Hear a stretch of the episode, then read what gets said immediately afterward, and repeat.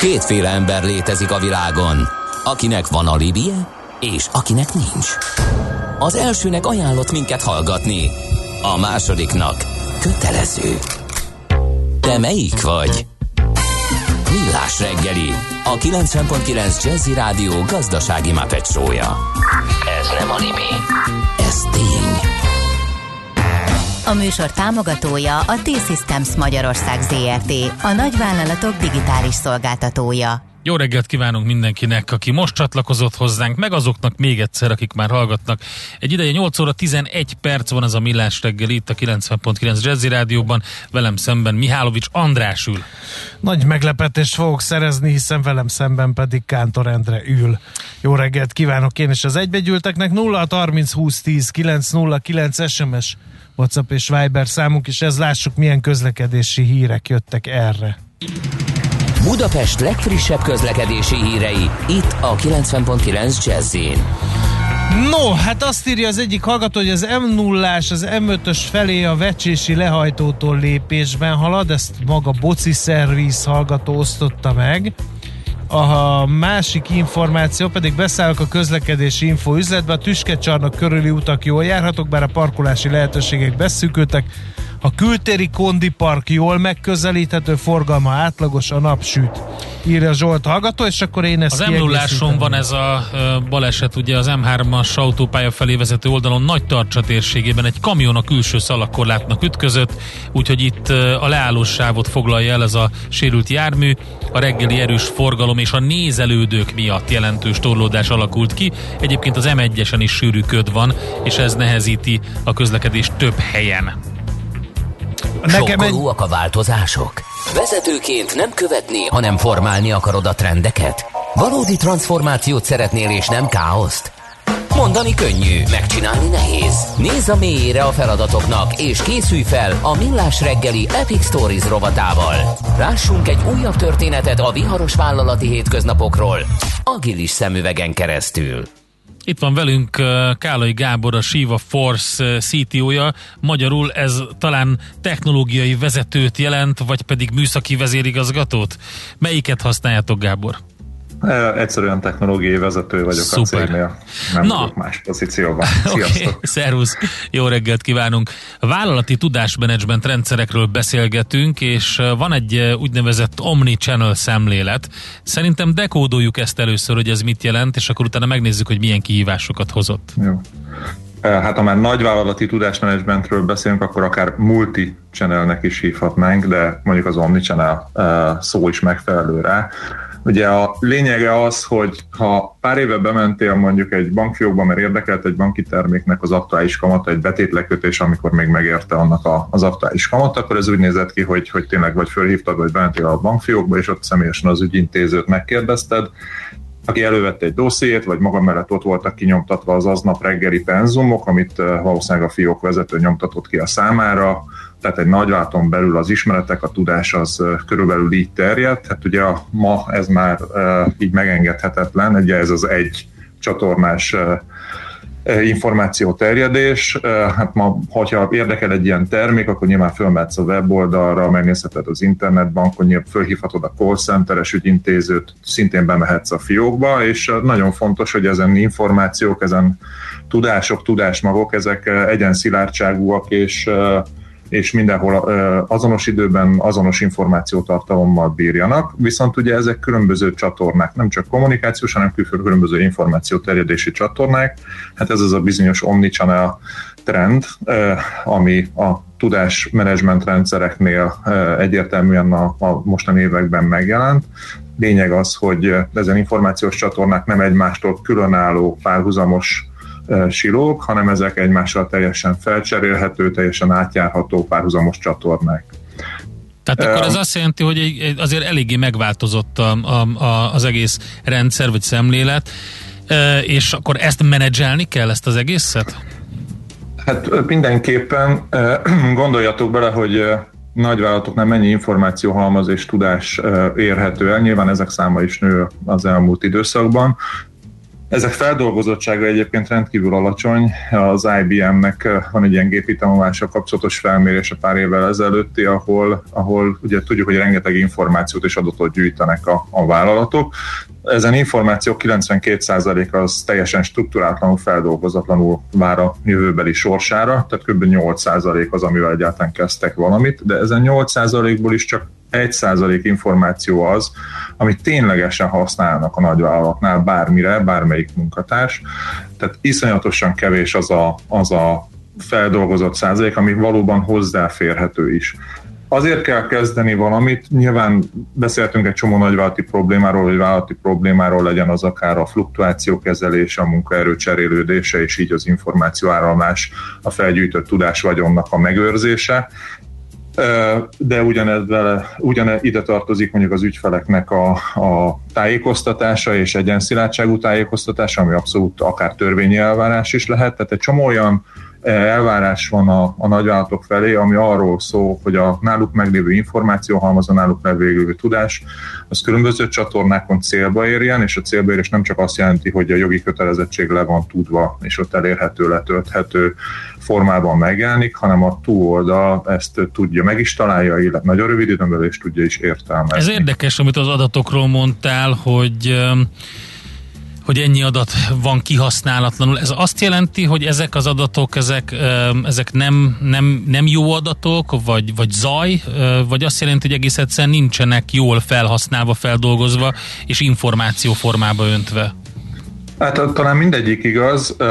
Egy része, az, hogy az, arról lehet vitatkozni adatbányászokkal, hogy van-e olyan kategória egy adatnál, hogy zaj. Legfeljebb uh-huh. nem tudjuk még, hogy most mire felhasználható.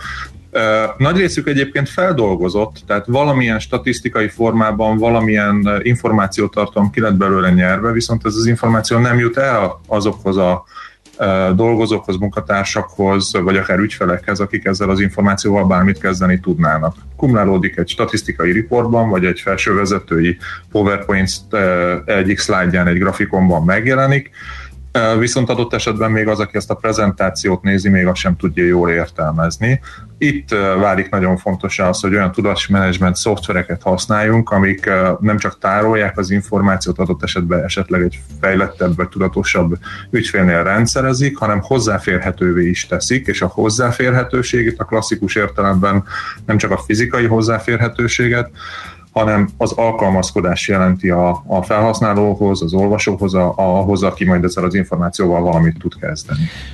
Épp azt akartam kérdezni, hogy ezt a rengeteg szerteágazó ilyen-olyan embernél jelenlévő információ halmazt, ezt hogy lehet összegerebjezni, van-e olyan a, a cégbe, aki, a, aki mindenre hozzáfér, de akkor ehhez van kitalálva ez a rendszer, nem?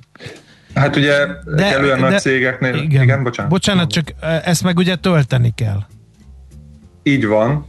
Uh, tapasztalatot lehet szerezni egyébként, most uh, többen mondhatják, hogy mondjuk a weboldalon keresztül ügyfél kommunikációból lehet tapasztalatot szerezni, ott általában nagyvállalatoknál ugye egy content management rendszerben feltölti egy szerkesztőség, a marketing osztályok megfelelő dolgozói az információt, amit a portál látogatóinak, a honlap látogatóinak szánnak, és, és azért itt is megvalósul már az, hogy különböző formátumban kell tudni előállítani magát az adott portált, az adott honlapot, amin az információ hozzáférhető, általában a látogatók számára, hiszen mobiltelefonon is olvasod, akár számítógépen is nézed, de azért ettől ez egy picit a tudásmenedzsment rendszerek nagyon hasonlóak sok szempontból egy, egy content management rendszerhez, viszont el is térnek tőle. Az eltérés az egyik jól rátapintottál az, hogy ennek a töltése sokkal inkább nem egy személy, hanem lényegében a vállalat valamennyi dolgozója által kell, hogy megtörténjen, hiszen a tudás ott van minden dolgozónál, mindenkinek vannak új tapasztalásai az adott nap során, amit fel lehetne használni. Gondoljatok egy szélszesre, aki mondjuk sikeresen értékesített egy terméket, és ott egy olyan új mondatot mondott, vagy egy olyan új fogást vetett be, amit hogyha hirtelen elterjedne és a, a munkatársai is tudnának használni, akkor lehet, hogy megnőne az eredményesség, de akár gondolhattok egy ügyfélpanasz kezelésre is. Tehát a tudás ott keletkezik minden munkatársnál, úgyhogy egy jó tudásmenedzsment szoftver az, az rendelkezik azzal a funkcionitással, hogy ösztönözze is a munkatársakat a tudás összegyűjtésére, úgymond összegerebjézésére, viszont ez idő és munka, tehát nagyon kézreállónak kell lenni, és nagyon egyértelműnek kell lennie illetve a másik oldal is nagyon fontos, hogy, hogy a, a munkatársak nem ugyanott férnek hozzá, nem ugyanúgy az információkhoz. Gondoljatok mondjuk a Magyar Postára, egy levélkézbesítő ugyanúgy fontos, hogy hozzáférjen akár egy új hirdetményhez, ugye a postások már nem csak levelet kézbesítenek, hanem terméket is értékesítenek adott esetben, de nekik nem áll rendelkezésre ott egy laptop, amit kinyitnak, elolvasnak aktuális információkat, hanem nekik mondjuk egy jó esetben egy kis PDA van a kezükben, amin ugyanúgy hozzá kell tudni férniük információhoz, és azt tudniuk kell értelmezni, de mondjuk egy informatikusnak, aki mondjuk egy rendszert fejleszt, annak egész részletes specifikációkra van szüksége, meg részletes leírásokra ugyanerről a tudásról. Tehát egy dolog az, hogy input oldalon, bemeneti oldalon támogatni kell nagyon a tudás felhalmozását és rendszerezését, de nagyon fontos, hogy az itt felgyűjtött tudás, tartalom az ne csak egyféle formában legyen képes megjelenni, hanem feldolgozott formában többféleképpen. Aha, tehát igen, igazad, van, van egyfajta központi szerkesztőség, akinek ezt ónolnia kell és menedzselni. Igen, stimmel. Na de ez a központi szerkesztőség hogy fog működni, mikor a kollégák home office-ban vannak? Nagyon érdekes kérdést vett föl egyébként a home office tudásmenedzsment, nagyvállalati tudásmenedzsment szempontjából. Hát hogy működött, amikor nem voltunk home office-ban, hogy működött a tudásmenedzsment?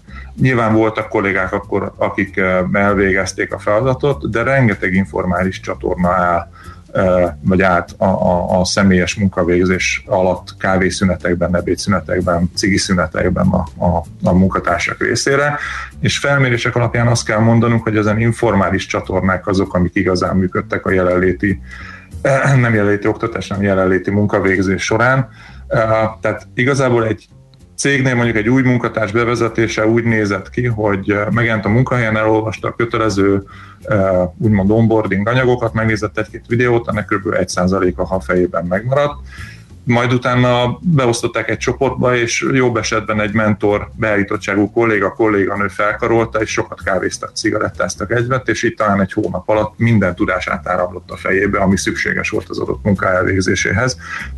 Na most a home office ezt teljesen átalakította, megreformálta, ezek a csatornák nagyon nehézkessé váltak, nagyon limitált időbe lettek bekötve, nem is a kávészünetekre gondolok, hanem, hanem arra egyáltalán, hogy egy ilyen mentor kolléga, még ha ki is lett mellét nevez, nevezve, vele mondjuk hetente egy-két órát tudtál beszélgetni. Tehát mindenképp szükség volt arra, hogy az addig itt-ott ebben meg abban a könyvtárban felelhető információkat valahogy rendszerezni szükséges, illetve nagyon könnyen hozzáférhetővé, nagyon könnyen kereshetővé eh, kellett tenni. Hát erre eh, ki kell jelölni kollégákat, akik adott esetben ezt rendszerezik, de még egyszer nagyon fontos, eh, hogy a munkatársak érezzék a hasznosságát egy ilyen tudásmenedzsment portál, tudásmenedzsment rendszer használatának, és hogyha ezt érzik, akkor kvázi közösségi alapon egy önjavító mechanizmusként is tud működni. Tehát ha most megint egy új kolléga bevezetésénél e, tartunk, nálunk jellemző az, hogy megkérjük, hogy az onboarding anyagba azonnal javítson is bele egy új kolléga, aki érkezik, mert nem biztos, hogy minden információ már időtálló, lehet, hogy az elmúlt két hétben is megváltozott az például, hogy hogy e, ha most nem is a szabadságigény kivételéről beszélünk, de mondjuk, hogy melyik étterem van nyitva a közelünkben, tehát egy folyamatos tudás javulást kell, hogy ösztönözzön egy jó tudásmenedzsment rendszer. Mik ennek a kockázatai, mert nincsen rózsa tövis nélkül tartja a mondás. Ennyi tudást összegerebjezni, hát azt akkor egy éber hacker elropja és lemásolja az üzleti modellt. Jut eszembe például ez? Uh, nyilván ezek általában a tudásmenedzsment rendszerek azok kvázi intranet-szerűen uh, tudnak működni egy nagyvállalatnál, tehát védett csatornákon érhetők el, de és akkor így talán ez kivéthető egy kicsit. Azért, ha most IT security-ról, biztonságról beszélünk, akkor nagyon fontos az is, hogy, hogy a legtöbb ilyen jellegű lopás vagy, vagy behatolás az inkább belső oldalról történik, tehát talán felvetnék egy olyan problémát, hogy egy munkatárs bent dolgozik a cégnél, megharagszik, összeveszik a főnökével, elégedetlen a fizetés emelésével, és adott esetben nagyon könnyen letöltheti ezt a tudás vagyont, és egyben mondjuk egy a következő munkahelyére elviheti magával azért ne legyünk naívak, ez tudásmenedzsment szoftver nélkül is működhet, legfeljebb nehezíti a dolgát maga a tudás hozzáférhetetlensége, illetve szétszortsága, de ott is azért releváns információk szivároghatnak ilyen esetben a cégnél. Nyilván ezt jogi szerződésekkel le lehet védeni, azért ez már büntetőjogi felelősségnek minősülne, de nagyon fontos az, hogy azért itt is figyeljünk, mint minden IT rendszerben figyeljünk arra, hogy mindenki csak ahhoz férjen hozzá, amihez való, amilyen információhoz valóban szüksége van az adott munka elvégzéséhez. Tehát attól, hogy egy nagy vállalat egy ilyen hatalmas tudásbázist épít, ez nem azt jelenti, hogy minden dolgozó egyformán fér hozzá minden információ forráshoz, és talán ezzel kicsit kiküszöbölhető az, hogy hogy ilyen teljes tudás vagyon elsajátítása vagy illegális felhasználása megtörténjen. Tehát a személyre szabott információszolgáltatás ma már nem csak a weboldalakon jelenik meg mondjuk egy webshopnál, ahol kifejezetten neked ajánlanak termékeket, mondjuk a viselkedésed alapján, hanem a belső tudásmenedzsment portálokon is megjelenik, egy-egy beosztás, vagy a munkaköröd, vagy épp a, a általad használt eszközök, általad használt programok alapján egy jó tudásmenedzsment portál képes eldönteni, hogy vajon neked milyen tudásinformációkra lesz majd szükséged, illetve hát megfelelő jogosultságmenedzsmenttel kell és kötelező kezelnie, hogy csak ahhoz férj hozzá, ami való, amihe, amire valóban szükséged van az adott munka elvégzéséhez. Lehet, tehát a szakmai része az számunkra most tiszta itt az Andrással hallgatva ezt, de lehet, hogy nem mindenki érti meg pontosan, hogy miről beszélsz. Több olyan szó elhangzik, hogy a tudás, a tudásmenedzsment, végpontok, meg ehhez hasonló dolgok, amiket ugye nem feltétlenül. De nézzünk egy gyakorlati példát. Mi történik egész pontosan? A postai példa az jó volt, ugye? Ott, ott egy egyszerű ott ülő ügyintéző vagy alkalmazottnak is hozzá kell férnie bizonyos információkhoz a, rendszeren belül, de nincs olyan eszköze, mint mondjuk, mit tudom én, a, a, a, a back office-ban, vagy a központban dolgozó, vagy valamilyen vezetőbeosztású e, e, munkatársnak, és mégis elérhetővé kell válni a bizonyos tudásoknak számára. De mit jelent ez egész pontosan?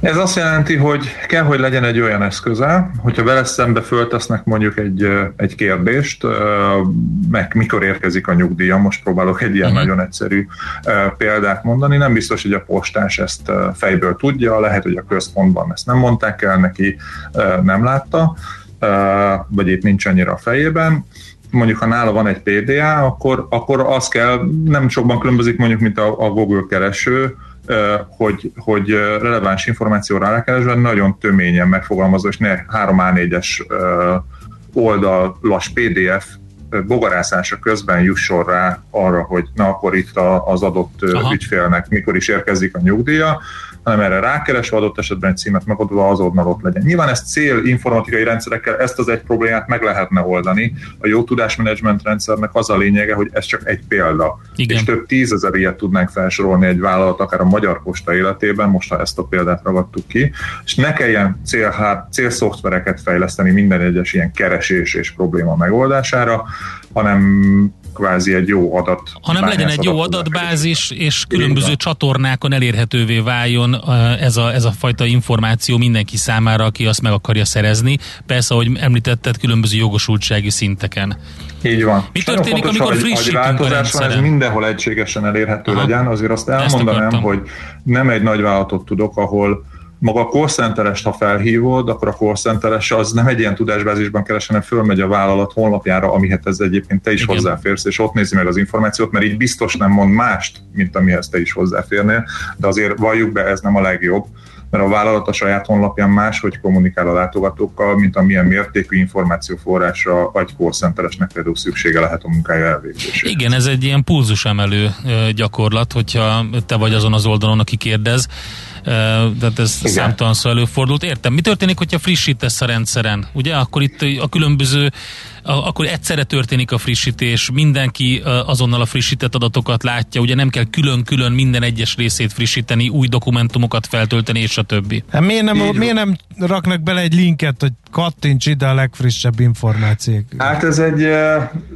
Nyilván mind a két gyakorlatra most ketten mondhatok egy-egy példát. Az egyik az az, hogy nem frissül azonnal, és egy tudásmenedzsment szoftver ezt oldaná meg, tehát hogy meg kell kérni különböző beszállító cégeket, hogy különböző rendszerben mondjuk egy egy formátumvalidáció változzon meg. A régi példát hozok például a telefonszámok, amikor megváltoztak, akkor nyilván ezt végig kellett vezetni ezernyi rendszeren. Na most, hogyha ez központilag lett volna tárolva, akkor ez egyszerre frissült volna be.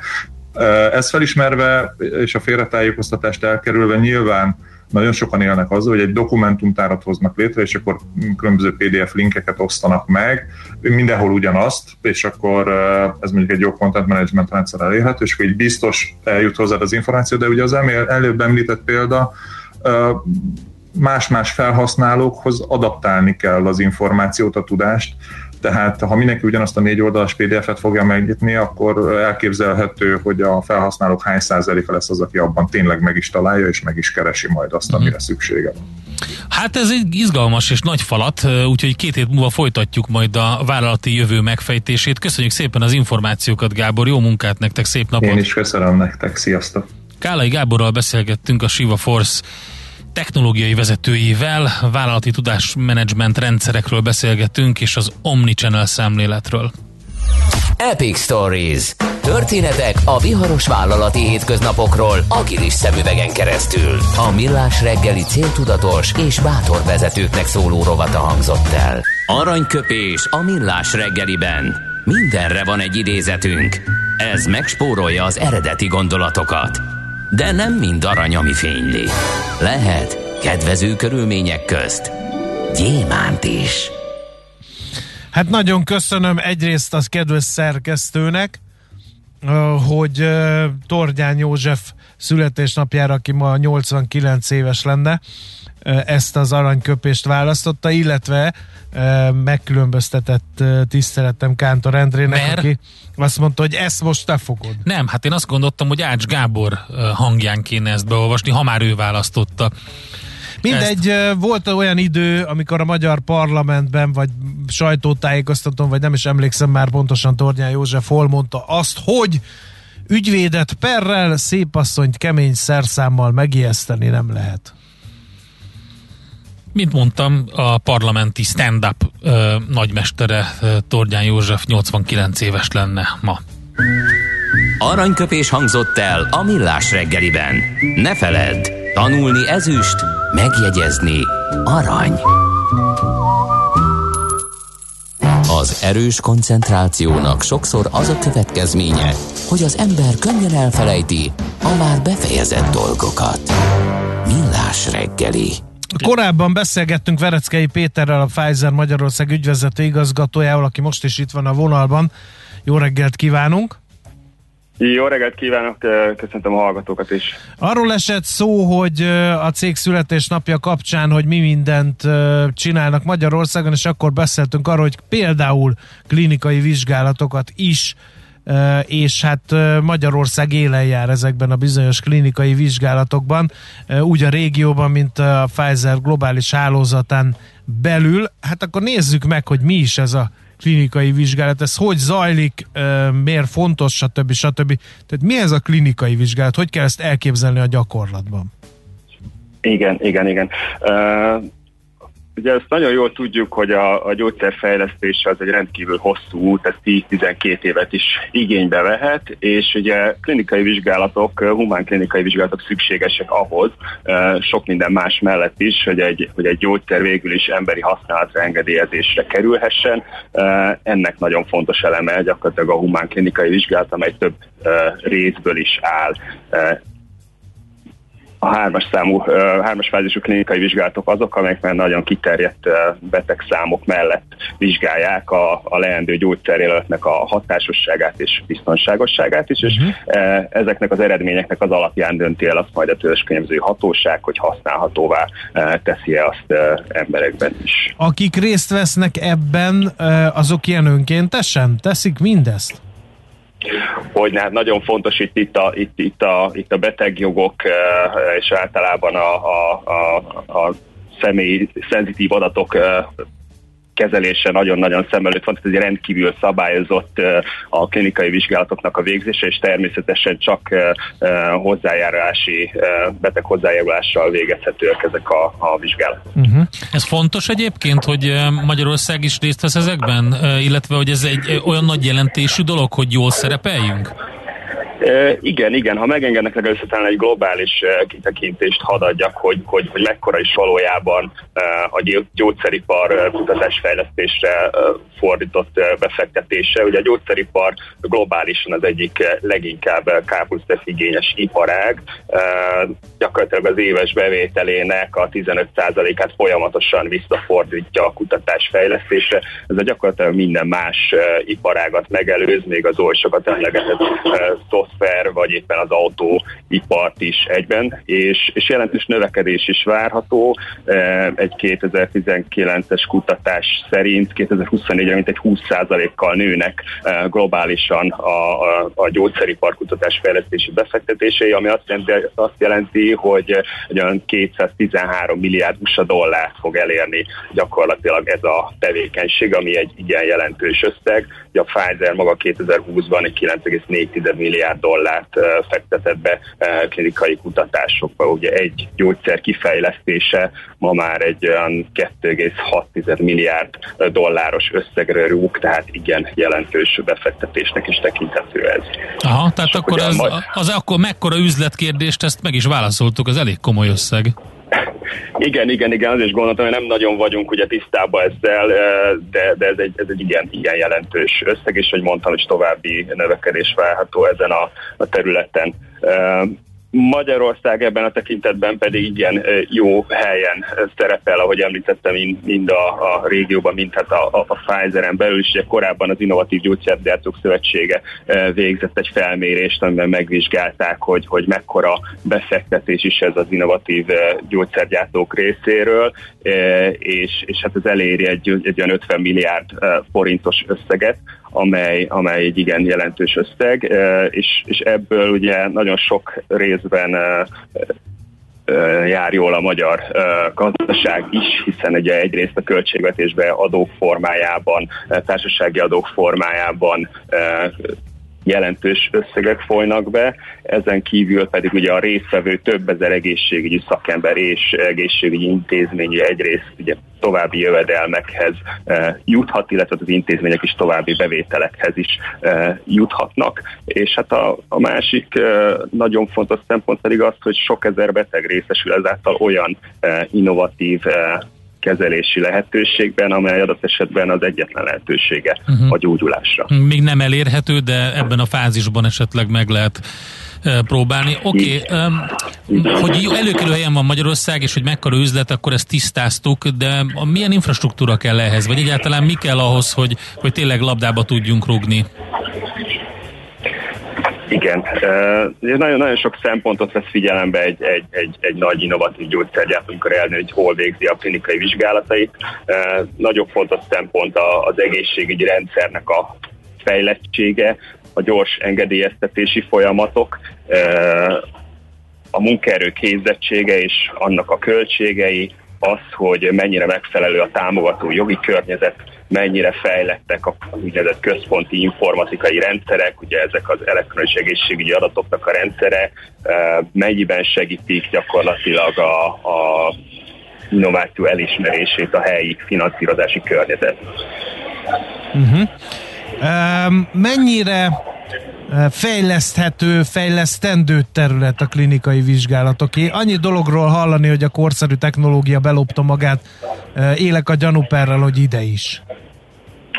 Hogy ne, természetesen, tehát a, a digitalizáció, a, a mesterséges intelligencia, ezek az egységesített elektronikus adatbázisok óriási lehetőséget nyújtanak a gyógyszeripar számára is, illetve az egyes országok számára is abban, hogy ebben a globális versenyben, ami a klinikai vizsgálatokért folyik, előre törjenek, hiszen, hiszen ma már ugye a digitalizációnak köszönhetően nem szükséges feltétlenül például, hogy egy, egy beteg személyesen bemenjen bizonyos kontrollok elvégzésére, hiszen ezek az egészségi adatok akár elektronikus módon is elérhetővé válhatnak. A nagy adatbázisokon keresztül gyorsabban és hatékonyan meg lehet találni betegcsoportokat, meg be lehet azonosítani olyan vizsgálati célpopulációkat, akik, akikre szükség van egy adott vizsgálat elvégzéséhez. No, hát ha már ez így szóba került, akkor megint a koronavírust is be kell hozni. Ez mennyire nehezítette meg a klinikai vizsgálatoknak a lebonyolítását, hiszen ahogy, ahogy elhangzott, kontrollra be kell menni, össze kell szedni valahogy az adatokat.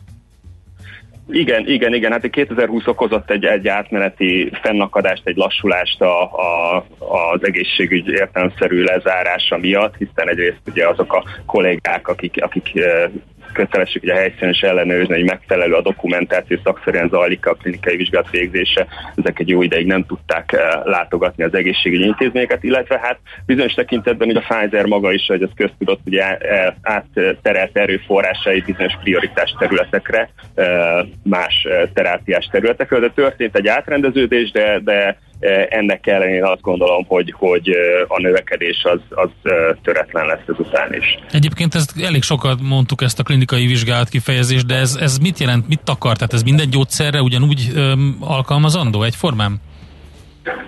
Igen, tehát a klinikai vizsgálatok azok olyan emberek bevonással végzett tudományos kutatások, amelyek során ugye a vizsgálati készítményt, a gyógyszerjelöltet uh, uh, megvizsgáljuk, követjük a szervezetben lezajló uh, folyamatokat, a gyógyszer útját a szervezetben, annak a lebomlását, kiürülését, uh, és hát nyilván a legfontosabb, hogy a vizsgáljuk azt, hogy hatékony a készítmény, illetve, illetve milyen mellékhatásai vannak, tehát egy ilyen előírt kockázat arányt kell vizsgálni, ez minden esetben köteles ahhoz, köt, szükséges ahhoz, hogy emberi felhasználásra engedélyt kaphasson akármilyen gyógyszer vagy, vagy vakcina. Péter, nagyon szépen köszönjük, izgalmas információk voltak. Most már nagyjából látjuk, hogy ez mekkora üzlet, és hogy miért fontos, hogy részt vegyünk benne Magyarországon is. További jó munkát kívánunk, szép napot! Köszönöm szépen, minden jót kívánok! Bereckei Péterrel beszélgettünk a Pfizer Magyarország ügyvezető igazgatójával. Innen oda, ezt ennyiért, onnan ide, azt annyiért, Aha! majd innen oda ezt, és vissza azt. Emennyiért közben bemegyünk oda azokért, és átvisszük amoda. Amennyiért, mindezt logikusan, hatékonyan, érted? érted? Ha nem, segítünk. Észjáték, a millás reggeli logisztika rovata. Együttműködő partnerünk a Real Cargo Hungária. Minőség, megbízhatóság, biztonság a vasút logisztikában. No kérem szépen, akkor nézzünk néhány logisztikai Aha, jellegű néhány, információt. Néhány jelentős, kérlek szépen. 26 milliárd forinttal erősíti a kormány a vasúti teherfuvarozás versenyképességét. Ez a következő, hát ez az öt éves terv. Itt van 26 milliárd forint mert hogy ezt az Innovációs és Technológiai Minisztérium parlamenti és stratégiai államtitkára Sanda Tamás közölte. A kormány döntése értelmében még az idő idén várhatóan 1 milliárd forintot, hát ez már nem sok időre, egy másfél hónap, de 2022 és 25 között pedig évi 6,5 milliárd forint vissza nem térítendő támogatást biztosítanak az úgynevezett egyes kocsi forgalomra. Ez Ugye a novembertől induló állami támogatásra vonatkozó keretszerződés aláírásán mondta el az államtitkár, a kifizetések a tényleges teljesítmény utólagos elszámolása alapján történnek, és majd idén decemberben érkeznek meg a szolgáltatókhoz az első összegek. Egyébként azt is elmondták, hogy állami beavatkozás nélkül nagy veszélyben lenne ez a szolgáltatás. Az elmúlt időszakban mintegy 6 milliárd forint üzemi veszteség keletkezett a szektorban éves szinten. Hát akkor, ha ezt a veszteséget prognosztizáljuk a következő évekre, akkor ezt lényegében kompenzálja az, amit rákölt a kormány, illetve egy kicsivel többel számoltak. Minden esetre az egyes kocsik megszűnésével a vasúton fuvarozott áruk mint egy ötödét kellett volna évente 400 ezer kamionnal elszállítani. Most ezzel jelentősen növelnék ugye a közúti forgalmat és a környezeti terhelést is. Ráadásul a beavatkozással ezres nagyságrendben tudnak munkahelyeket is megóvni. Ez is egy fontos része ennek a kormányzati intézkedésnek. Hát biztos uh, láttátok város szerte jár totokban, keltetekben az Easy Box ilyen automatákat. Hát én arra most döbbentem rá, hogy ez a Same Day nevű csomagszállító cégnek a, az uh-huh. automatái. Egyelőre 350 van belőlük, de jövő év tavaszáig 500-ra szeretnék növelni a számukat. És hát, hogy mit kell tudni a SameDay-ről, hát most jelentette be, hogy az egész országra kiterjeszti a tevékenységét, és egy magyar elosztó központot is nyitott. Egyébként román érdekeltségű társaságról van szó. 4000 négyzetméteres logisztikai központot üzemeltetnek Vecsés közelében, valamint 19 helyi kirendeltségük is van. Egy éve ilyen vannak jelen Magyarországon, és főképpen az EMAG és az Extreme Digital partnereként vannak jelen, és Hát Romániában és Magyarországon 17 ezer településre szállítanak ki csomagokat, Romániában több tízezer webshopot is ők szolgálnak ki, és hát mostantól teljes körű háztól házig, valamint csomagautomatába történő kézbesítési szolgáltatást is nyújt, méghozzá vállalkozásoknak is, méghozzá mérettől függetlenül, tehát mikrok, közép és nagy vállalkozások is jelentkezhetnek náluk erre a szolgáltatásra. Tervezés, szervezés, irányítás, ellenőrzés. Kössük össze a pontokat. Észjáték. A millás reggeli logisztika rovata hangzott el. Együttműködő partnerünk a Real Cargo Hungária. Minőség, megbízhatóság, biztonság a vasút logisztikában. A szerencse fia vagy? Esetleg a szerencse lánya? Hogy kiderüljön, másra nincs szükséged, mint a helyes válaszra. Játék következik. A helyes megfejtést beküldők között minden nap kisorsolunk egy túrázáshoz használható pulóvert és egy hátizsákot. Na ezek azok a cuccok, amikben a Rudi megszokott előzni téged, András, amikor hátulról kiabálja, hogy da komik links, és akkor, amikor elmegy mellett, akkor vigétsz, ezt kiabálja, és megy tovább. Szóval egy ilyen pulcsit és egy hátizsákot. Mondjad? Nem, nem volt ilyen Nem élményem. volt, de hogy nem. Ezt mesélted nem, az ergevadászatról. Nem, a, ott, ott nem Rudi mutogattunk. Volt? Nem tudom, hogy hívták, de, de nem kellemes élmény volt, igen. Na szóval egy túrázáshoz használható pulóver és egy hátizsák az, amit minden nap kisorsolunk. Az Austria.info hivatalos turisztikai portált működtető osztrák idegenforgalmi hivatal jó voltából. Mai kérdésünk pedig a következő. Hol található és milyen hosszú Ausztria leghosszabb sípájája? A. Zillertal 10 km, B. Zölden 15 km, vagy C. Schladming-Dachstein 21 km, és figyelem, ide kell küldeni a helyes válaszokat. A helyes megfejtéseket ma délután 16 óráig várjuk a játékkukac jazzy.hu e-mail címre. Kedvezzem ma neked a szerencse! Mondjad légy azt a hírt, ami kimaradt a logisztika rovatunkból, és óriási fennakadásokat fog okozni. Az oroszok emelték a vodka hatósági árát, Ennyi. hogy ezzel is meggátolják a hamisítást, ami terjed. 2009 óta van hatósági ára orosz vodkára, és eh, hát most már elég volt, úgy tűnik, hogy akkor újra igen. újra belépnek a piacra. A Ismét emelnék, mondom az árakat. forgalmazók és az Old Spice-osok. Azt mondja, hogy jövő év elején 7,4%-kal nőhetne a vodka fél literének minimumára 261 ruberre, ez olyan 1158 forint, és ez az az ár, ami alatt nem lehetne az országban vodkát árulni. Hűha! 7,5 százalékos emelés. Ezek szerint Vladimir Vladimirovicsék nem félnek a feltámadó inflációtól. Hát igen, érdekes biztos, hogy megvan a megfelelő infrastruktúra és szervi háttér ahhoz, hogy megakadályozzák a komolyan a hamisítást. Igen, de képzeld el, hogy ez nem egy irányú utca, mint ahogy Meg a, a magyarok megszokhatták. Főzést. Mert van olyan, amikor csökkentették a minimumárat, kérlek uh-huh. szépen, 2015-ben volt ilyen, mert úgy látta a vezetés, hogy a túl drága vodkárok az illegális piac felé Na, hajtják mondom. az embereket, Látod? meg is ugrottak országszerte a mérgezéses halálesetek. Bizony, bizony. Nagyon-nagyon kemény sztori. Oké, okay, jövünk vissza, mégpedig mesél a múlt rovatunkkal, és katona Józseffel? Katona Csabával? Vagy Mind, mindezzel mindkettővel, együtt? Mindkettővel. Műsorunkban termék megjelenítést hallhattak. Nézd a Millás reggeli adásait élőben a millásreggeli.hu oldalon. Millás. Millás reggeli, a vizuális rádió műsor.